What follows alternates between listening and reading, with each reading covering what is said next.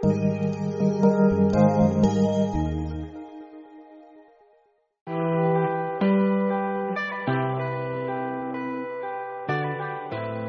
man har en funktionsnedsættelse, så kunne der være mulighed for at søge om øh, mere tid til eksamen for eksempel. Der kunne også være mulighed for at søge om øh, at få en anden form for eksamen. Men det er meget forskelligt, hvad man kan få lov til, alt efter hvad det er for en uddannelse, man studerer på. Hvis man skal have en dispensation på grund af sin funktionsnedsættelse, så er det rigtig vigtigt at huske, at øh, der må ikke være tale om, at det faglige niveau bliver øh, lavere, øh, og man må heller ikke blive stillet bedre end de øvrige studerende.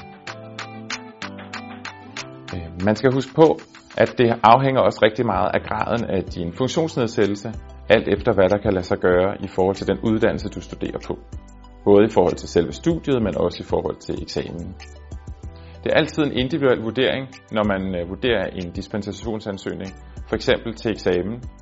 Øh, så det kan være rigtig svært at sige noget om, om man får sin dispensation, øh, hos os har vi for eksempel oplevet, at det er svært at få lov til at ændre en skriftlig eksamen til en mundtlig eksamen, eller omvendt. Det kan selvfølgelig også ske, at man får afslag på sin dispensationsansøgning på grund af økonomiske eller praktiske forhold. Det kan fx være, at det er for dyrt at lave eksamen om, at man ikke har den rette bemanding på plads, eller at det simpelthen ikke er teknisk muligt at imødekomme din ansøgning.